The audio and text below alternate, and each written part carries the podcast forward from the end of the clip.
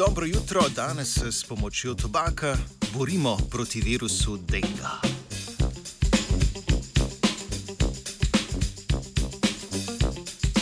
Dobro jutro!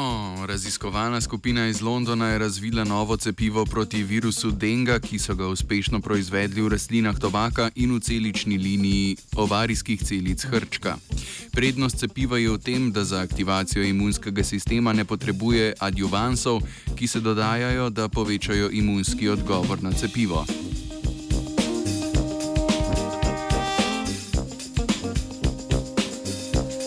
Pozdravljeni nazaj.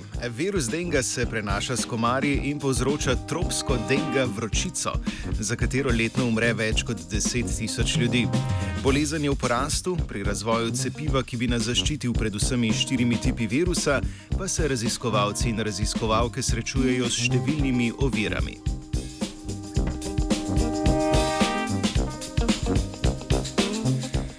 Spet se slišimo. Trenutno obstoječe cepivo je registrirano samo v Mehiki, Braziliji in na Filipinih. Glavna skrb glede cepiva je, da če ne deluje učinkovito na vse štiri tipe virusa, lahko eden od tipov povzroči okužbo, pri čemer cepivo pripomore k hudemu poteku bolezni. V omenjeni študiji so razvili cepivo, ki poleg virusnega proteina, na katerega se odzove imunski sistem, vsebuje še dodatno strukturno. Eh, dodatno strukturo, podobno človeškemu protitelesu. Ta se veže na imunske celice, saj vsebuje vezavno mesto protitelesa in tako izboljša imunski sistem.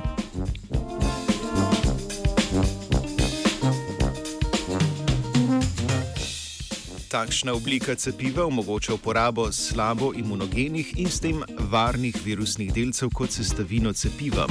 Te ne morejo vplivati na potek bolezni ob okužbi s podobnimi virusi, bi pa običajno potrebovali močne adjuvanse za učinkovito delovanje cepiva.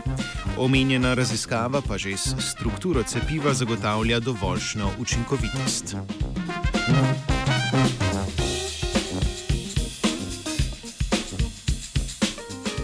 Sila zanimivo je, da so cepivo proizvedli v listih genetsko spremenjenega tobaka, kar sicer ni povsem novo.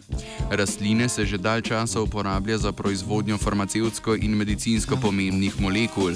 Cepljenje v obliki zauživanja svežega rastlinskega materijala pa je verjetno še zelo daleč od mogočega.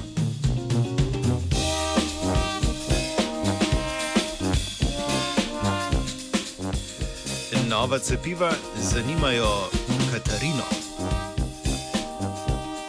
Hajdar, hajdar, Radio, hajdar, hajdar, hajdar, ne štud, ne duč, hajdar, radio, študent.